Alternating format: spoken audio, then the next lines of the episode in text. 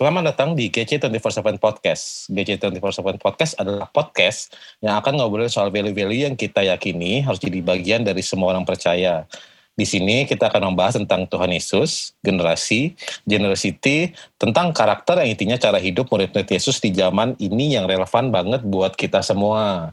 Nah, apa kabar nih? Udah lama banget nggak ngobrol bareng-bareng semua. Semoga yang dengar masih pada masih pada semangat di era pandemi ini. Mungkin banyak yang udah mulai kerja.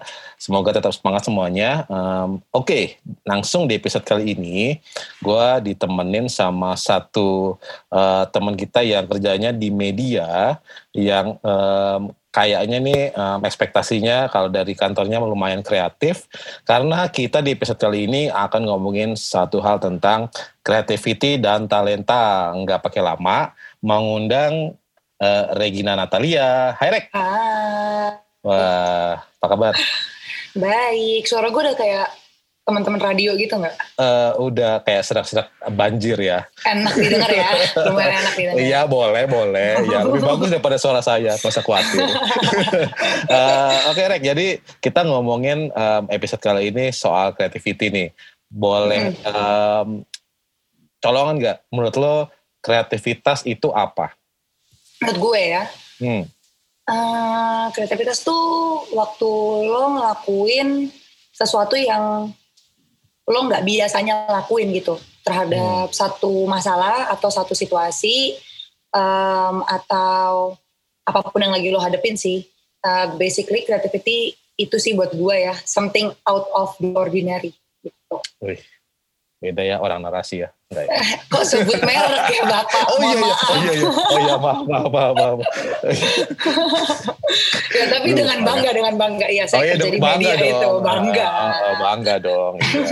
Iya, um, nah di minggu ini, karena kita ngomongin um, kreativitas, kita mengundang um, salah satu teman dari gereja kita yang yang mungkin secara pekerjaan bisa dibilang pekerja kreatif, secara pelayanan juga bisa dibilang pelayanan kreatif. langsung aja kita undang dari ICC Bandung, uh, Brian Harsanto. Hai Brian. Hola, hola. Hai Kak. halo, halo, halo semua. Kita udah sepakat manggilnya nggak pester ya? Manggilnya Kak iya. boleh ya? Okay. Boleh ya. Uh, jadi ya statement dulu nih. Permisi Pastor, mohon izin. eh, Bri, uh, si pembicara, si narasumber yang menolak disebut Pastor. Kocak sih. Iya, uh, jadi uh, thank you udah join di kita untuk minggu ini.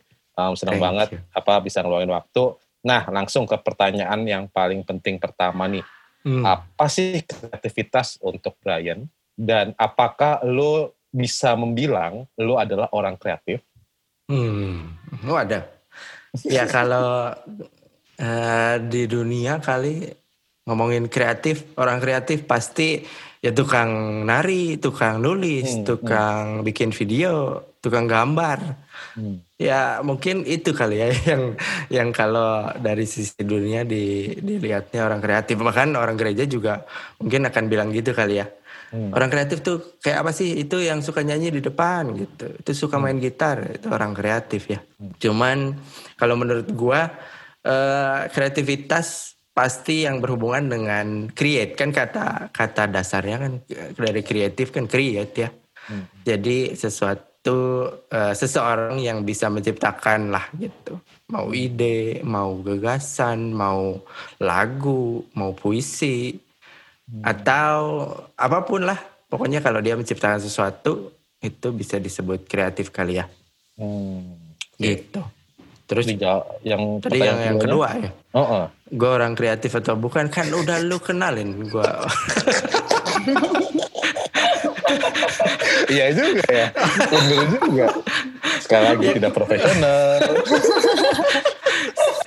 Kalau dibilang orang kreatif ya, mungkin ya kebetulan gue di bidang kreatif gitu, di bidang desain kan, di bidang visual gitu. Gue kerjanya di gereja, pelayanan juga emang di bidang kreatif. Jadi emang emang orang kreatif sih ya boleh dibilang. Nah, cuman kan kalau kreatif cuman dibatasin di situ kasihan banget ya bapak-bapak hmm. ibu-ibu gitu yang hmm. tukang sayur misalnya lagi pandemi ini gimana mestinya jualan sayur terus hmm. dia berpikir beride untuk jualan sayur online gitu itu kan hmm. orang kreatif juga sebenarnya kan benar hmm. terus kayak mamah-mamah gitu sekarang anak-anak uh, belajar online di rumah hmm. kalau si mamahnya nggak kreatif wah udahlah itu nggak akan ada belajar nggak akan ada SD SMP SMA tuh udah nggak akan ada lagi kayaknya iya iya benar juga nah, orang tuanya nggak bisa nyediain environment yang kreatif nggak bisa bikin belajar online jadi menarik gitu kan ya hmm. jadi mama-mama juga orang orang kreatif kalau buat gua ya hmm. ya, wow. jadi itu nice banget sih uh, kalau kita ngebatasin kreativitas cuma dibilang seni atau art gitu hmm. kayaknya nggak fair juga Gitu. Wah, nice banget. Bagus banget tuh. Kira-kira. Bagus banget. Jadi mungkin um, biar kita bisa ngobrol lebih enak, creativity ini bukan soal uh, art aja, seni aja, bukan soal hmm. apa um, um, mungkin tadi uh, pembahasannya nggak cuma soal berapa apa tadi hal yang kita lakukan, tapi itu coba uh, soal gimana kita uh, mungkin kayak um, berpikir lebih dalam kali ya hmm. gitu untuk apa yang kita bisa ya. lakukan ya. create hmm. dari apa yang sebelumnya mungkin um, apa jualan susah yang sebelumnya nggak ada jadi ada gitu hmm. kira-kira kayak gitu ya wah nice banget hmm. oke okay, ini mungkin uh, banyak dari uh, teman-teman pendengarnya juga mungkin belum banyak yang kenal kita kenalan dulu mungkin boleh lo boleh cerita sedikit nggak sih journey creativity uh, di hidup lo seperti apa. Wah, jernih kayak kesannya panjang nih. Mungkin apa ada ada perlu apa di background lagu gitu perlu nggak kayak lagu La Project gitu. La Project lagi. Tua, tua juga. Gitu. Nostalgia. Lu kira gua udah udah mau wafat apa? Eh saya agak gak relate ya. Umurnya agak beda sendiri generasi. Iya benar juga. Tahuan loh. Iya, benar juga. Jangan suka. Iya, enggak. Begitu gue bilang kerap project aja udah ketahuan ya. Mungkin semua gak ada yang tahu tau kalau kerap project. Emang.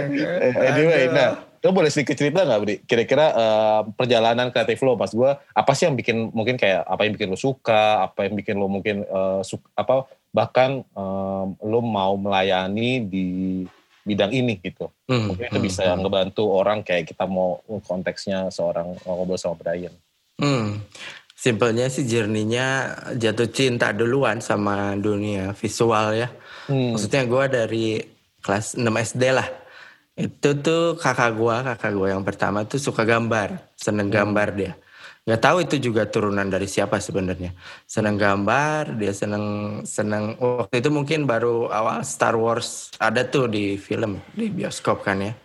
Jadi dia suka gambar-gambar science fiction gitulah, gambar wow. spaceship, gambar planet-planet, bagus banget, jago banget nih anak, keren hmm. banget lah gitu. Nah bahkan sampai sekarang gue masih nyimpen tuh gambar-gambar dia yang gue kagumi masih gue folderin karena gue itu apa ya kayak uh, titik di mana gue jatuh cinta sama dunia visual dunia seni lah. Hmm. ya udah dari situ masuk SMP SMA ya udah pastilah ya pelajaran paling bagus ya pelajaran kesenian. Pelajaran seni. Yang lain nggak usah ditanya lah ya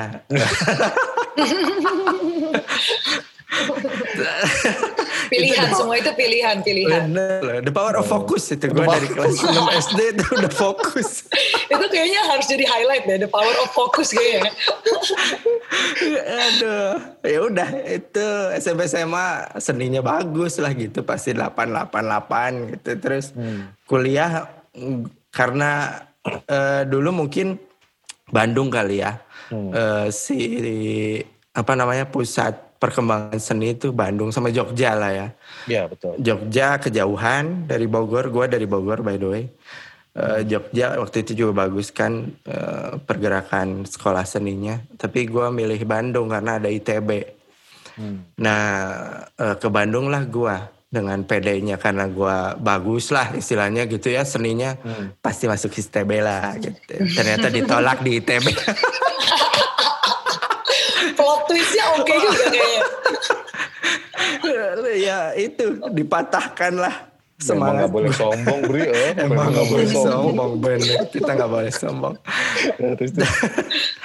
Tapi gue tetap kekeh lah. Kekeh teh apa no, bahasa ininya Semangat. Maksa, uh, maksa. Ngoyo, ngoyo.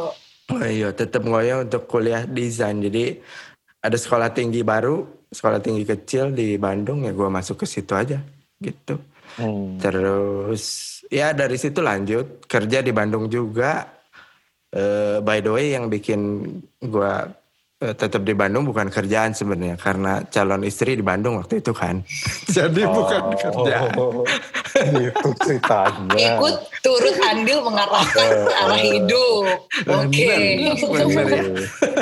Enggak jauh ya Bogor sama Bandung boleh lah ya. Boleh nah, lah. jauh ya. Cocok lah, cocok. Cocok. Ya bikin studio desain habis itu terus sempat kerja juga di beberapa majalah indie lah di Bandung. Hmm. Terus akhirnya eh, memutuskan jadi full timer karena waktu itu hmm. kan dunia gereja baru itu masuk hmm. ke dunia media ya. Udah hmm. mulai masuk ke dunia media gitu. Nah jadi setelah beberapa tahun ngebangun jadi volunteer, ngebangun hmm. gereja, medianya gereja jadi volunteer. Habis itu memutuskan buat jadi full timer. Tapi hmm. studio tetap jalan gitu. Oh. Sampai sekarang yeah. studio tetap jalan. Gua full timer juga tetap di pelayanan di gereja. Wow. Gitulah yeah. kira-kira.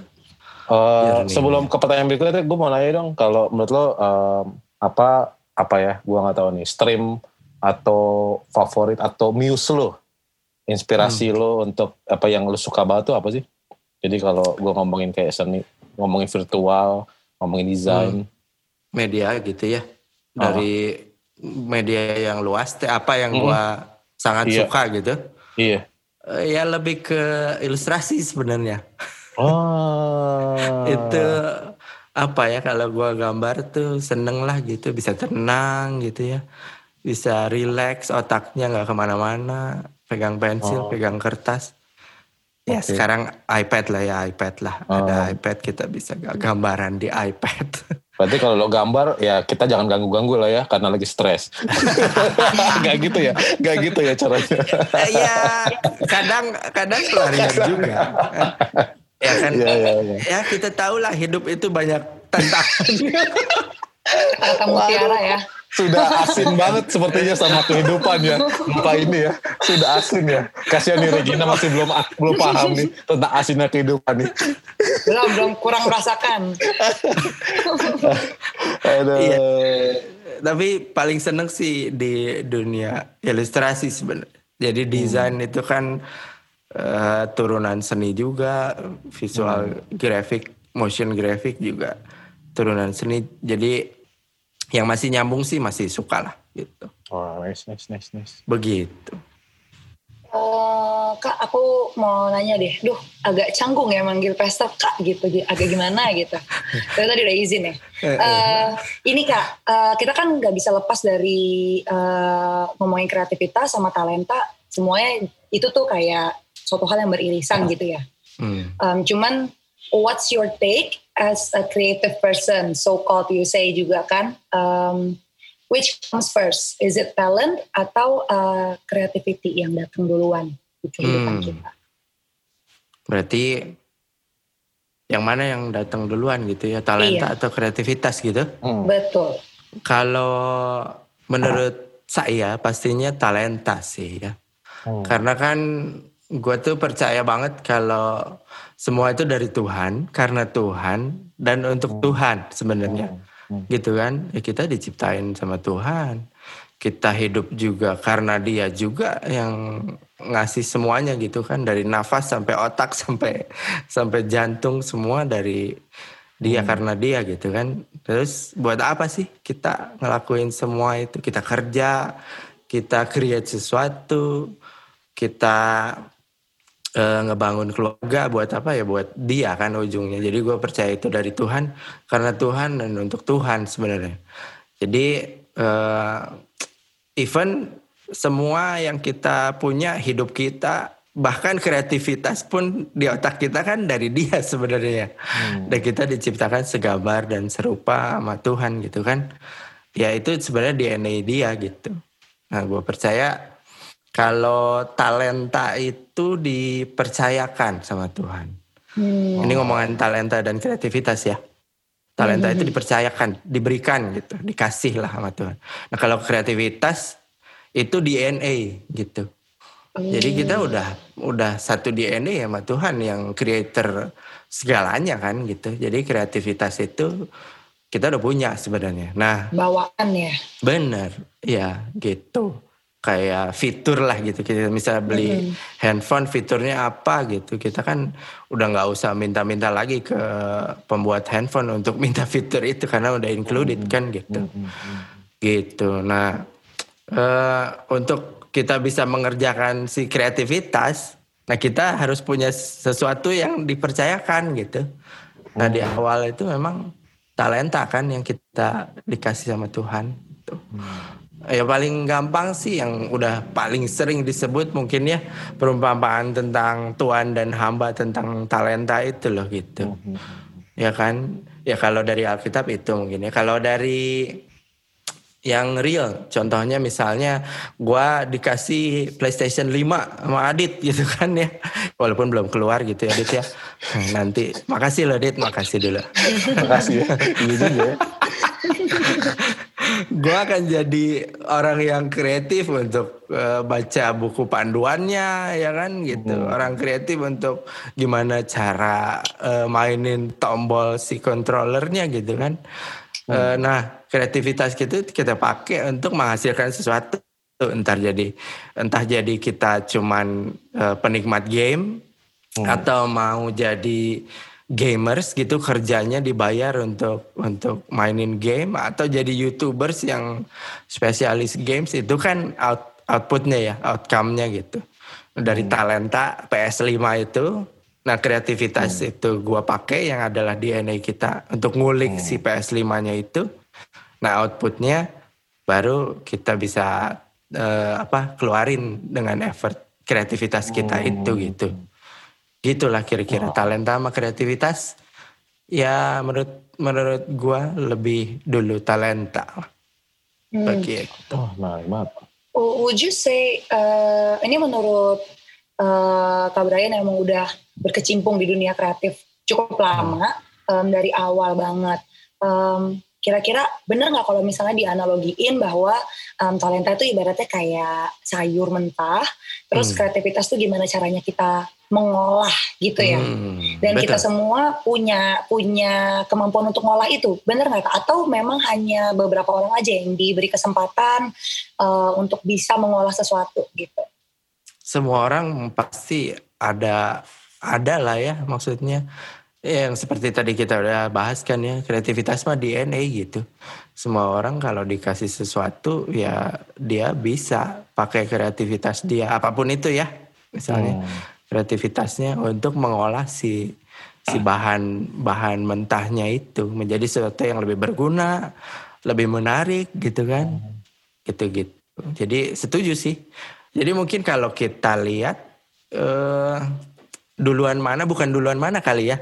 Hmm, hmm. Karena dua-duanya ya berjalan berbarengan aja terus gitu. Kita dipercaya sesuatu, kita harus kreatif untuk mengolahnya. Kita dipercaya sesuatu, kita harus kreatif mengolahnya gitu kan ya. Hmm. Gitu. Eh, Jadi bukan dulu-duluan kali ya. Boleh nggak misalkan kayak gini nih, misalkan uh, saat kita ngomongin uh, menarik banget tadi yang lo lo bilang soal apa um, kreativitas as a, as a main feature kalau hmm. kita tuh waktu diciptain kita tuh udah ada fiturnya gitu hmm. itu tuh udah built in udah langsung nah um, saat uh, saat kita ngomongin kayak gitu um, apa ya uh, perspektif lo saat saat uh, ada orang yang mungkin um, apa uh, melihatnya karena mungkin gitu karena uh, kayaknya gue nggak setalenta dia deh nggak setalented dia deh untuk soal hmm. ini jadi gue nggak kreatif apa yang um, kira-kira lo akan sampai ini ke orang-orang yang yang mungkin apa um, punya kesamaan pikiran kayak gitu hmm. ya mungkin ini itu stigma kali ya maksudnya hmm. orang tuh mikirnya kalau orang bisa main musik bukan orang kreatif gitu hmm. atau orang nggak bisa gambar bukan orang kreatif gitu jadi ya stigmanya yang harus diubah dulu di awal. Jadi jangan ngebandingin dengan orang seni gitu. kadang hmm. orang kan misalnya uh, ibu-ibu gitu ngelihat gua gitu ngegambar ih kreatif banget sih kamu gitu kan eh ibu jangan gitu bu maksudnya ibu juga orang kreatif sok ibu beresin rumah gitu beresin rumah dia gitu eh, itu juga butuh kreativitas kalau menurut gua jadi hmm. Uh, salah satu killernya creativity kan sebenarnya karena membandingkan gitu. Membandingkan sesuatu yang nggak perlu dibandingkan gitu karena ya, semua orang punya jalannya sendiri untuk jadi kreatif gitu. Hmm. yang yang ya gitu tukang sayur harus jadi kreatif di bidangnya gitu. Hmm. uh, ibu-ibu mama-mama rumah tangga harus kreatif di bidangnya gitu. Hmm. orang seni pun harus kreatif di bidangnya. Jadi waktu kita membandingkan maksudnya uh, gini paling gampang gini lah ya. Uh, sukses gitu. Misalnya gue ngelihat orang sukses rumahnya besar mobilnya banyak gitu kan paling gampang ya. Uh-huh. wah itu orang lebih lebih kreatif kah? Atau lebih hmm. pinter kah gitu? Ya sebenarnya dia kreatif di bidang bisnis mungkin gitu. Hmm, dia punya banyak ide untuk bisnisnya dia gitu. Nah, tapi gue nggak bisa bandingin hidup gue dengan dia dong karena beda hmm. gitu jalur kreatifnya juga gitu hmm. mungkin stigma itu yang harus kita okay. patahkan. Oke, okay. take outnya ternyata untuk mau kreatif banyak main sama ibu-ibu ya. Sampelnya banyak muncul ibu-ibu ya dari tadi. Iya. Kalian banget kayaknya. Karena ibu-ibu hari ini paling struggle kayaknya ya. Iya. Mengapresiasi sekali ya. Iya. Terima kasih sangat, kepada. Ya, terima kasih Bunda sudah bekerja keras Bunda. sangat sangat kalau ya sangatlah ibu rumah tangga itu dengan segala tantangan hari ini lah hebat lah hmm. menurut gue mah. Ya, ya. Uh, Kak, gue mau nanya deh, uh, hmm. masih berkaitan dengan talenta sama kreativitas. Uh, boleh nggak kasih salah satu contoh dalam kehidupan kerja lo atau pelayanan mungkin ya, hmm. um, di mana uh, lo kan tadi udah sempat ngasih tahu juga talenta lo memang di bidang visual, hmm. uh, di bidang grafis gue juga sempat riset sedikit uh, creative director di mana-mana nih kayaknya. Waduh. Uh, kabar sebelum full time kayaknya. Waduh. iya, uh, pengen tahu sih uh, apakah ada uh, contoh kasus satu entah itu di pelayanan atau di pekerjaan hmm. di mana um, talenta lo um, diuji sama kreativitas lo entah mungkin hmm. lagi ngadepin kesulitan apa terus uh, harus mulik-mulik nih kreativitas tadi untuk ngembangin suatu output dari talenta. Ada nggak hmm. kira-kira? Nah, menarik nih. Jadi mungkin kalau di awal kan gue sempat bilang gue volunteer ya di gereja hmm. uh, untuk khusus ngurusin medianya karena waktu itu gereja lagi ngebangun medianya. Nah di satu sisi seneng karena uh, berhubungan langsung dengan uh, passionnya gue lah ya gitu ya. Hmm. hmm, hmm. Nah tapi di satu sisi lain gereja gua itu bukan gereja yang udah mapan. Hmm. Jadi sangat terbatas dalam sisi finance kita terbatas lah. Maksudnya kita gereja yang sangat concern dengan youth waktu itu. Nah ada paradigma itu kan, maksudnya ngapain ngurusin gereja youth, nggak ada uangnya gitu kan. Hmm. Hmm. nah itu ya memang benar juga sih real realitanya. memang, memang kita di saat itu ya dibilang ya nggak usah malu lah ya dibilang miskin gereja yang hmm. belum punya hmm. kekuatan finance hmm. ya memang belum gitu hmm. nah sedangkan gua harus ngembangin media yang adalah itu berhubungan erat dengan alat juga sebenarnya hmm. sih? Iya betul. Harus ada mungkin waktu itu zamannya proyektor gitu kan zamannya uh, handycam gitu. Udah proyektor lah. Uh, sebelumnya kan OHP Aduh, sorry itu zaman kapan ya? Wow, HP. Gila, gila, gila. Masih tahu HP tuh. Gue masih apa coba? Sekolah minggu loh, gue tuh HP. Gue tahu gue overhead projector. Bener kan gue? bener, bener, bener. Yang pakai plastik transparan. Yo, yo, Yang bisa dicoret-coret ditulis-tulis. Kalau lagi ditulis-tulis. Entah itu bener. Nah. Ya, ya puji Tuhannya gue setelah zaman itulah udah masuk proyektor. Nah balik balik ke kreativitinya ya. Maksudnya dengan dana yang yang terbatas waktu itu, nah kita memang jadi di drill, dilatih untuk bikin sesuatu yang wah. Hmm. Karena kita kan pasti uh, apa namanya inspirasinya dari luar lah ya.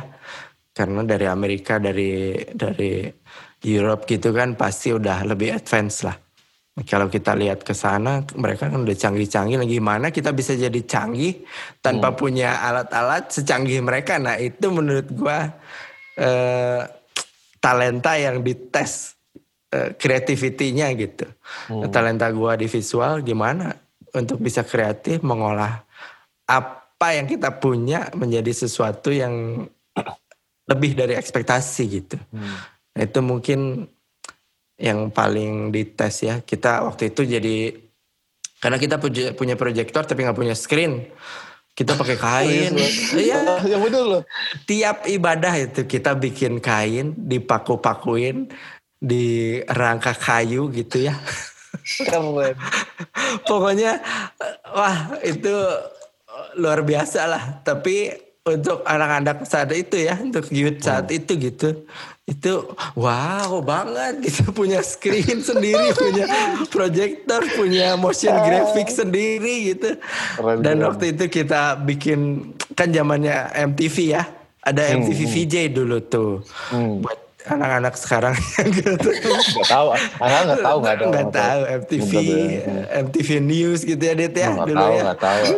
VJ gitu ada newsnya gitu ya kita bikin dan itu teh bikin sebenarnya bikin lumayan kita bisa menjangkau anak-anak muda tuh hmm. pada saat itu dengan dengan apa yang kita punya kita create sesuatu yang wow gitu untuk anak muda kita bisa jadi relevan buat mereka pada saat itu ya hmm. gitu sebagai sebagai gereja youth kita jadi relevan lah gitu hmm. gitu kira-kira loh keren banget kalau misalkan um, kalau misalkan gue boleh tajemin nih um, hmm. um, kalau kita ngomongin um, kreativitas uh, dan talenta nah um, kan lo nggak mungkin apa waktu itu yang lo lakukan lo kerja sendiri atau lo punya tim pada oh, saat pas, itu. Pada saat itu. Di yang gereja ya? Oh, yang gereja. Uh, actually sendiri. Wah, wah. Mari kita berikan tepuk tangan yang meriah. Masih sendiri banget di waktu itu, Dit. Seriusan lo? E, karena memang belum ada yang mulai. Jadi gue tuh sebenarnya ditunjuk gitu. Kamu mau hmm. nggak hmm. bantuin kita? Ya bukan di pengembalaan lah, bukan di ngurusin anak-anak mudanya. Kamu bantuin hmm. di medianya, mau nggak? Ya mau lah, hayu kata gua waktu itu ya. Hmm. Itu ya sempat tiga empat tahun, empat tahun lah sendiri lah, maksudnya wow. create sesuatu. Ya akhirnya sambil jalan uh, nemuin tim yang memang bukan sebenarnya bukan di media lah ya ada VJ hmm. gitu hmm. ada ada MC-nya lebih, lah ke talent gitu berarti ya ah, lebih ke talentnya pelan-pelan akhirnya nemu anak rohani sendiri juga tuh akhirnya yang bantuin gue waktu itu hmm. dia memang seneng media juga hmm. udah gue cemplungin sekalian ya, bantuin gitu hmm. udah dari situ sih nambah-nambah nambah-nambah lah maksudnya hmm. begitu sampai iya. sekarang ada berapa ya volunteers media ya terakhir? 200-an oh, saking, sih. Saking banyaknya. 200-an kayaknya, Dit. 200-an? 200, mari kita berdoa. Semoga sebentar lagi GC begitu. mantap, mantap, mantap. Kayaknya itu prosesi sendiri. Itu tidak untuk di podcast. uh, gue tadi mau nanya apa ya? Nah, Bri, kalau misalkan kita ngomongin kayak gitu, um, saat saat lu sebagai uh, orang orang kan uh, kadang perlu sadar soal talentanya ya gitu ada yang sadar hmm. sendiri ada yang perlu didorong gitu atau perlu dikasih lihat lah ya um, hmm. dia tuh bisa ngelakuin apa nah um, lu tuh tipe tipe lu kayak gimana maksudnya untuk melihat kreativitas ke orang lain atau talenta orang lain yang menurut lu kayak wah nih sebenarnya lu bisa pakai juga nih uh, untuk uh, ngelakuin ini lu bisa gini juga hmm. nih um, kalau lu uh, kalau di level sekarang apa ya sih yang menurut lu uh, bisa dilihat dan hmm. apa yang akan dilakukan biasanya untuk kayak gitu. Hmm. Kalau berarti nemuin talenta ya. Hmm. Lebih ke nemuin talenta ya. Hmm. Kalau gue pengalaman gue sendiri kan tadi udah gue cerita dari SD kan. Jadi yeah. mungkin si uh, konsistensinya lebih lebih terjaga lah kalau gua hmm. gitu ya the power of focus tadi loh udah, udah. jadi nggak mau belajar yang lain gua iya, iya. pokoknya gambar gambar gambar iya iya nah tapi kalau buat di level sekarang di season sekarang mungkin gua ngelihat anak-anak ya hmm. anak-anak sekarang mungkin lebih banyak pilihannya kali dit ya sangat hmm. sudah borderless gitu dunia pun hmm. udah borderless, kita udah terkonek dengan bagian mana pun di dunia gitu. Termasuk hmm. di urusan memilih talenta kali ya. Hmm. Jadi kalau dulu kan kita paling dari buku gitu, dari buku graphic design atau dari buku ilustrasi kita belum bisa browsing kan dulu kan. Cuma oh. bisa ke toko buku, lihat-lihat buku yang memang kan toko buku juga sekarang ada itunya kan. Ini untuk buku psikologi untuk buku iya iya iya, dulu nggak ada. Dulu ya dulu ada. dulu kan cuman itu gitu maksudnya dia eh kalau kita kalau gua nih uh, seneng desain ya pasti ada sectionnya sendiri gitu kan desain. Ya, betul, betul. udah nggak bisa ke mana-mana lagi gitu. Hmm. terus belum urusan import buku mahal gitu kan ya. Paling kita hmm. ngelihatnya yang standar. Jadi lebih ngulik kali ya Mungkin kalau anak sekarang, gue sering sih ngobrol sama anak-anak. Maksudnya, kalian senengnya apa sih gitu? Passionnya hmm. apa? Eh, belum tahu. Eh, eh kak, eh, ya gue mau marahin juga nggak bisa karena hmm. memang realitasnya berbeda gitu dari kita dulu yeah. di gitu. Yeah. Kan kita sama-sama tua ya. Jadi Oh, kok lo langsung statement gitu ya? Cepet juga ya. Tadi gue mau udah mau ngindar tuh. Kayak wah nggak kena nih gue, nggak kena nih gue. iya, ke nggak bisa kita maksa untuk anak sekarang tuh kamu harus uh, fokus, kamu harus jalanin uh, passionnya kamu 10 tahun hmm. gitu. Mungkin nggak bisa hmm. juga gitu. Jadi mungkin kita harus lebih ke guidance lah. Mereka harus sering ngobrol, hmm. sering tanya. Kita juga harus hmm. sering lihat mereka bagusnya di mana gitu kan orang mungkin hmm. dulu gue juga kan pasti ada yang ngeliat nih si Brian nih bagus kayaknya buat ngembangin media gitu kan nah mungkin hmm. part itu emang jobnya leaders lah jobnya kita untuk bisa nge-guide anak-anak sekarang supaya lebih lebih cepet gitu untuk oh. untuk bisa fokus gitu nice. gitulah kira-kira kali ya Dit. bijak banget ya udah udah berumur kayaknya ya dari jawabannya. Terlalu bijak nih jawabannya. gue mau gue mau apa mau kabur-kaburan dari tebak-tebakin terlalu umur iya sih. Kak Brian, hmm. tapi ini mau coba tap in ke tadi ya, kan ada sempat nyinggung soal ketekunan juga kan. Hmm. Uh, tapi dengan banyaknya pilihan sekarang, ngakuin hmm. sih sebagai bagian dari generasi sekarang gitu ya, uh, generasi under 30 yang super jauh. Sama dong, kayak sama. Benar, yo oh, under 30 uh, mah gak begitu jauh lah Regina. Oh, oh iya, lumayan sih tapi kan kalau dihitung-hitung matematikanya. iya kalau misalnya dengan banyaknya pilihan untuk generasiku hmm. dan sebenarnya untuk generasinya uh, di atas aku juga gitu. Uh, hmm, hmm, hmm. apakah hmm. memang uh, dengan banyaknya pilihan ini talenta-talenta yang ada kita bisa pilih hmm. ke konsistensi dan ketekunan itu tetap jadi value yang penting untuk mengembangkan talenta yang kita punya. Atau hmm. memang di zaman sekarang ya kalau menurut Kak Brian karena memang saking banyaknya ya gih sok atuh hmm. explore sebanyak-banyaknya terus habis itu nanti tinggal kita pilih mana yang paling cocok. Hmm. Itu menurut Kak Brian gimana tuh? Tetap penting ya konsistensi karena konsisten itu kan mengasah gitu. Hmm. Kalau kita nggak konsisten, sebenarnya ngasahnya, misalnya nih, ya analoginya paling gampang asah ya pisau gitu ya. Kita punya banyak pisau gitu di hidup. Terus kita e, misalnya punya 10 pisau gitu, yang kita mau pakai untuk kita mengerjakan sesuatu lah gitu, atau motong hmm. daging atau apa gitu ya. Hmm. Nah terus kita harus Eh, mengasah semua pisau setiap hari untuk mengerjakan 10 uh, pekerjaan berbeda gitu. Nah kira-kira outcome-nya lebih cepat akan jadi spesialis si yang mengasah pisau satu atau yang mengasah pisau 10. Hmm. kayaknya akan lebih hmm. cepet jadi spesialisnya si yang mengasah pisau satu, bener nggak? Iya betul. Jadi lebih cepet kan dia ngasah pisau jalan, ngasah pisau jalan gitu. Hmm. Kalau yang sepuluh ngasah pisau satu jalan, eh besoknya ngasah pisau kedua jalan. Hmm. Nah untuk balik lagi ke satu dia harus menyelesaikan sembilan pisau lain dulu untuk hmm. dia bisa balik lagi ke pisau satu, bener nggak? Ya, gitu. ya, ya. Paling gampang sih gitu ya. Terus uh, gue teh diajar lah waktu ada di gereja mentor gue tuh nggak selalu ngasih ngasih tahu priority. Hmm. Ya kata gue ber, berhubungan banget priority dengan konsistensi, ya nggak sih?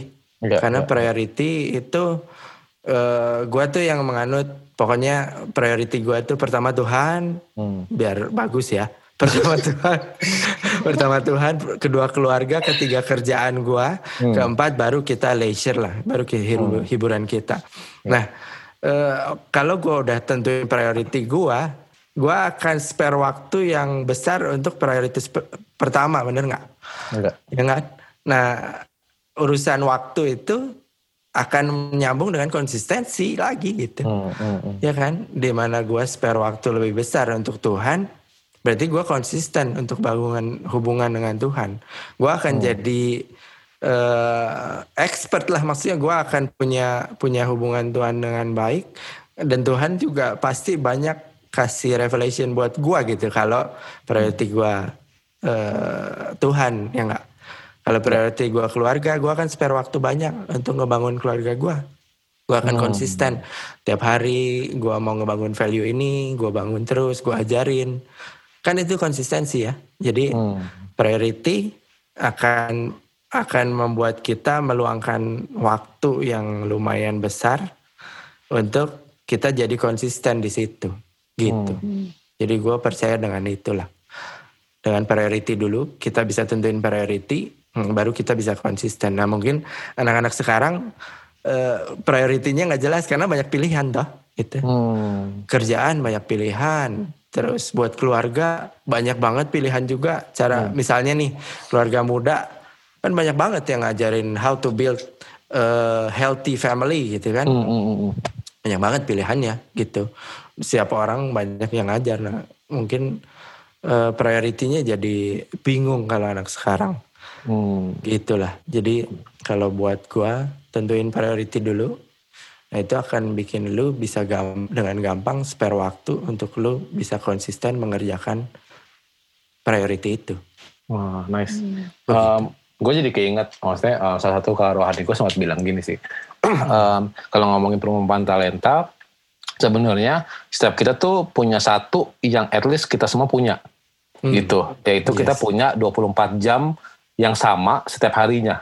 Hmm. Gitu. Um, itu tuh kayak gue inget kayak pertama kali gue denger itu mind blowing nih orang bener-bener hmm. dan um, um, ternyata itu tuh salah satu yang kita mungkin nggak pernah nggak pernah diajarin soal itu betapa pentingnya kita ngomongin waktu betapa hmm. pentingnya kita pakai dengan baik gitu nah kalau dari lu nih Bri, misalnya um, um, apa saat ngomongin soal creativity gitu. Gimana sih caranya um, apa waktu uh, 24 jam itu apa sih yang sebenarnya biasanya lo lakukan untuk misalkan uh, entah itu mengembangkan talenta gitu supaya misalnya um, lo bisa bisa lebih lagi, bisa giving more lagi gitu. Bahkan mungkin sampai ketika sekarang bisa sampai punya 200 um, volunteers uh, khusus untuk di media aja gitu. Nah, kalau dari uh, lo ada hal uh, ada hal nggak sih yang lo biasa pergunakan dari waktu itu? Hmm. Gue mau dengar dari Adit dulu dong. Ah gila, pinter juga lo. Atau dari Regina, dari Regina gitu. Nah, Regina, Regina, Regina. Regina, Regina. Regina. Kok ini lempar-lemparannya lumayan jauh ya? Uh, Regina ini gini. bapak Nggak, ini supaya... mau minta tolong bapaknya mau oh. nanya. nah, okay. supaya supaya perspektifnya lengkap gitu loh. Ah, okay, okay. Hmm. Jadi kan Mana seru Reg? ngobrolnya ya. Mm -mm. Pertanyaan tadi selama 24 jam apa yang dilakuin untuk ngembangin talenta gitu ya? Iya, iya. Biasanya nggak harus kayak satu hari ya, nggak harus satu hari. Mm -hmm. Biasanya apa sih yang lo lakuin, Rek?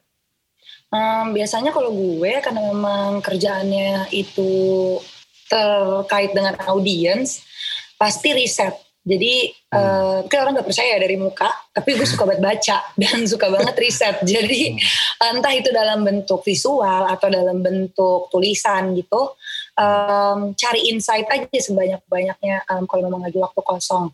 Um, hmm. Kenapa gue bilangnya riset? Karena memang mencari tahu apa yang gue nggak tahu gitu. Kalau misalnya gue udah tahu, uh, didalemin. Tapi kan berarti sama aja nyari yang yang belum gue tahu lagi gitu kan, nambah hmm. nambah nambah. Terus hmm. dan memang setuju sama analoginya Kak Brian juga bahwa emang diasah pisaunya gimana caranya diasah ya di digesekin ke tempat yang mungkin nggak tahu dan nggak enak gitu jadi terbuka eh, semua kerak-kerak hmm. bodohnya gitu tuh kebuka hmm. semua gitu jadi um, suka banget sih untuk riset baca um, sama ngobrol sih um, yes. cari tahu orang um, pendapatnya apa um, insight um, kadang memang kan gitu ya uh, kita kira kita udah paling pintar ternyata hmm. uh, masih banyak yang belum kita tahu juga tentang tentang talenta kita sendiri bahkan yang kita udah klaim kita udah tahu banget ternyata kayak enggak setelah ngobrol sama orang masih ada yang lebih banyak yang belum tahu gitu. Itu sih kalau gue. Gue lempar balik ke Kak Adit boleh ya? Boleh. Boleh silakan. Ditangkap bagus ya bagus. Ada lagi nama maunya disuruh-suruh. Uh, ya jadi kalau kalau menariknya adalah kalau menurut gue pas saat saat udah mulai realize um, waktu itu ternyata talenta yang Tuhan kasih ke setiap kita secara adil gitu. Jadi uh, sebenarnya orang tuh nggak ada nggak um, ada opsi untuk kayak aduh um, yang lain punya ini yang lain punya ini. Kita tuh punya waktu yang sama. Nah kalau sejak gue sadar itu salah satu yang yang gue coba lakukan adalah memang hmm, karena kan gitu kalau kalau gue mulai mencoba mengerti uh, gimana sih cara gue belajar dengan lebih baik. Ternyata gue belajar dengan lebih baik itu tidak dengan membaca, tidak dengan mendengar. Jadi um, gue tuh bukan visual, gue bukan audio cara mendengarnya, tapi lebih kinestetik. Hmm, itu tuh ngebantu sih, itu ngebantu gue banget untuk kayak, oke, okay, gue mau belajar apa, dan gue harus coba lakuin gitu. Jadi kayak gue nonton gak akan kelar. Jadi kayak um, apa gue sempat cerita di awal di awal um, COVID ini, gue uh, belajar satu card trick. Jadi kalau kita ketemu Bri, gue bisa membuat lo akan gak percaya. Magic. Kok gitu? Kok ketawa sih Bri? Ih, bagus, bagus, bagus. Oh iya, gitu loh. Lo kan, lo kan pester, lo harus kayak gitu. Iya iya. Jadi hmm. yang kedua sama gue waktu itu mau mau belajar harmonika gitu. Hmm. Jadi um, apa uh, gue pikir itu tuh salah satu hal yang gue mau coba baru karena kan itu tuh uh, lumayan nggak pernah gue coba lakuin dan ternyata pas saat di awal terus gue tipe gitu kalau udah bisa udah gue nggak nggak akan pegang lagi gitu hmm. karena udah bisa uh, jadi gue pindah ke mainan yang baru gitu nah jadi gue gue tuh orangnya sadar sadar beberapa hal tentang diri gue yang jadinya kayak oh oke okay, ini nih cara gue belajar, ini cara gue um, um, menjadi uh, adit yang lebih baik dari mungkin kemarin gitu ya, hmm. dan dan uh, selalu mikir kayak uh, kalau memang apa ya bahasanya, kalau memang gue tahu ini adalah lebih baik buat gue, gue akan coba melakukan itu. Terus hmm. itu kalau gue. Nah sekarang lu harus jawab pertanyaan. Iya, gue pikir-pikir kok kita mau-mau aja ya iya. interview sama narasumber. Nanti ini kita cut aja. Tapi bagus banget. Maksudnya kalau gue teh lagi buku uh, lagi baca buku sebenarnya menarik banget. Hmm. Uh, judul bukunya si uh, Philippa Ferry namanya. How to say How to Stay Sane. Gimana caranya uh, jadi waduh. waras. Dia orang psikologi tapi oh. bagus banget. Yang paling bang itu di awal buku. Dia bilang hmm. kalau otak kita kan penuh dengan neuron ya. Dari hmm. awal kita bayi kan penuh dengan neuron yang terkoneksi, hmm. betul? Yeah. Nah, ada juga yang belum terkoneksi. Nah, si neuron-neuron ini kan otak kreativitas sama otak kan deket lah ya. Ya kita hmm. bahas otak ini menarik soalnya. Jadi dia bilang supaya si neuron itu terkoneksi, yang bikin neuron itu terkoneksi bukan dari belajar, bukan dari melihat, tapi dari komunikasi. Wah. Itu hmm. bagus banget. Jadi wow. kenapa kenapa kan ada ada teori uh, golden years kalau anak ya kan? Hmm. Nah golden years ya, itu memang harus dipakai untuk si anak berkomunikasi, entah sama bapak ibunya, entah kalau memang dia bapak ibunya sibuk, mungkin entah sama sama yang jagain dia pun hmm. bisa hmm. gitu, dia membangun si otaknya jadi lebih terkonek hebat ya. Maksudnya Tuhan tuh emang emang dari awal penciptaan kan dia kan berbicara gitu ya maksudnya ngomong ya, gitu. Ya. Even waktu ada Adam, dia tuh ngobrol gitu sama Adam. Bukannya ngasih kertas, nggak ngasih surat gitu nih, yang lu harus lakuin Adam gitu. Ini baca aja sendiri gitu. Hmm. Tapi dia ngomong gitu ke Adam. nah itu menarik banget. Jadi ya maksudnya kreativitas itu bisa kita bangun lewat kita ngobrol sebenarnya, lewat kita komunikasi ke orang. Tadi Regina bilang juga kan, selain kita baca buku, kita uh, interview orang, kita nanya orang, kita ngobrol sama orang, hmm. itu sangat-sangat bisa membantu kita sebenarnya jadi orang kreatif gitu. Hmm. Gitu. Jadi kalau buat gua ya belajar harus maksudnya dari buku, hmm. sekarang dari YouTube. Uh, nah, tapi untuk relate ke hmm. orang itu sangat penting lah relationship hmm. itu yang membangun kreativitas kita kalau buat gua sekarang ini ya hmm. gitu jadi bukan hanya belajar gitu tapi harus ada porsi waktu kita yang kita kasih untuk kita bangun relationship karena ya itu tadi itu akan men-trigger otak kita untuk kebangun neuronnya karena yang menarik juga ya kalau si neuron kita nggak dibangun ya itu teh bisa diputusin sama otak kita teh. Si neuron yang tadinya nyambung itu hmm. kita bisa di break sama otak kita karena hmm. dianggap tidak perlu gitu. Karena kita nggak pakai si neuronnya.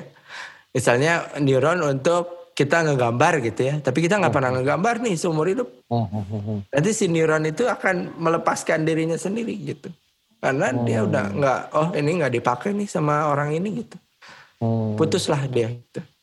Nah oh. supaya stay terhubung itu hubungan komunikasi. Oh.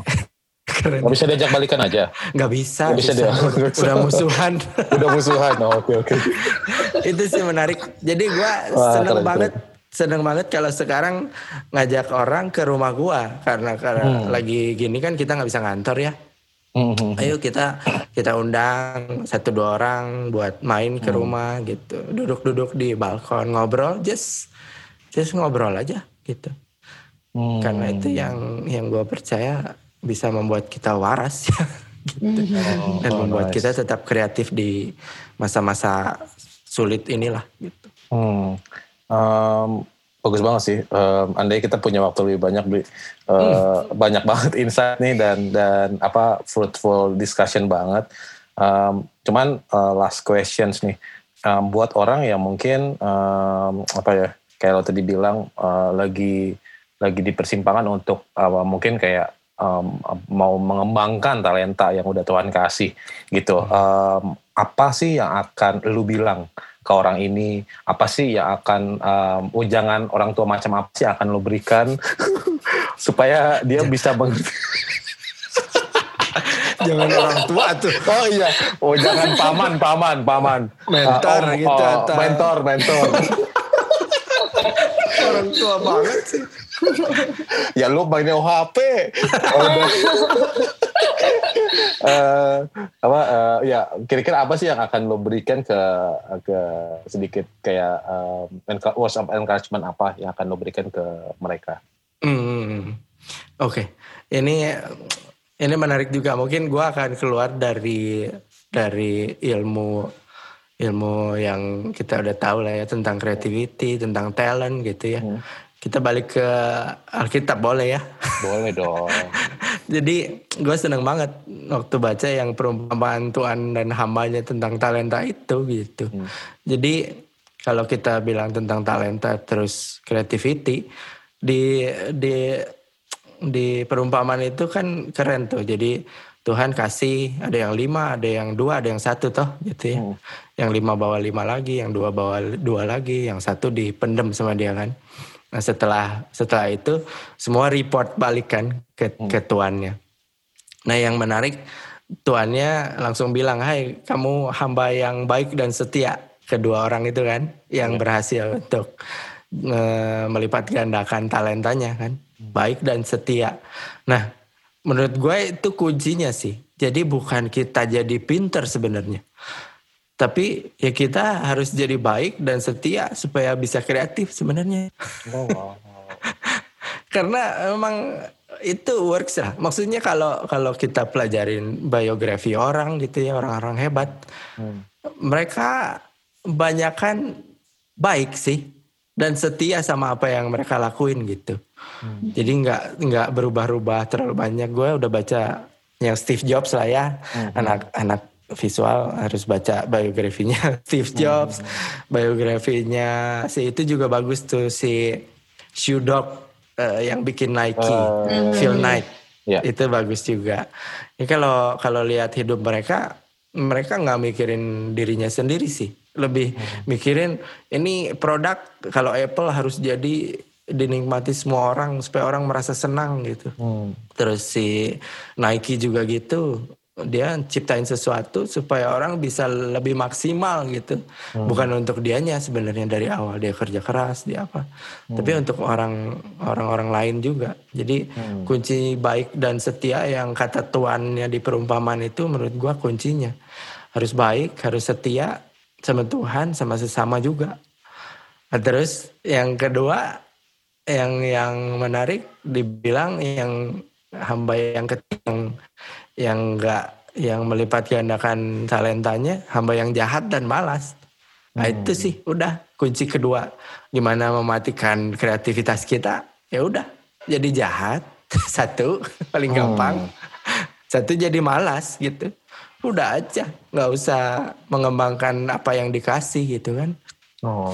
kan di situ ada kata uh, si hamba-hamba yang baik itu mengerjakan ya enggak hmm, hmm. di awal. Waktu dia di mereka dikasih mereka mengerjakan si talenta itu.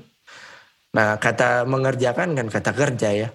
Jadi hmm. kalau kata malas ya udah itu pasti mematikan kata kerjanya. Hmm. jadi udah. Dua dua poin itu sih yang gue seneng banget dari perumpamaan itu. Untuk uh, sisi talenta dan kreativitas yang kita punya ya Gitu kira-kira. Wow. Ya, memang ya, memang kalau memang sudah matang gitu ya di pohon, uh, beda wisdomnya. Balik lagi. Semes dulu kan udah mau habis. Semes dulu terakhir.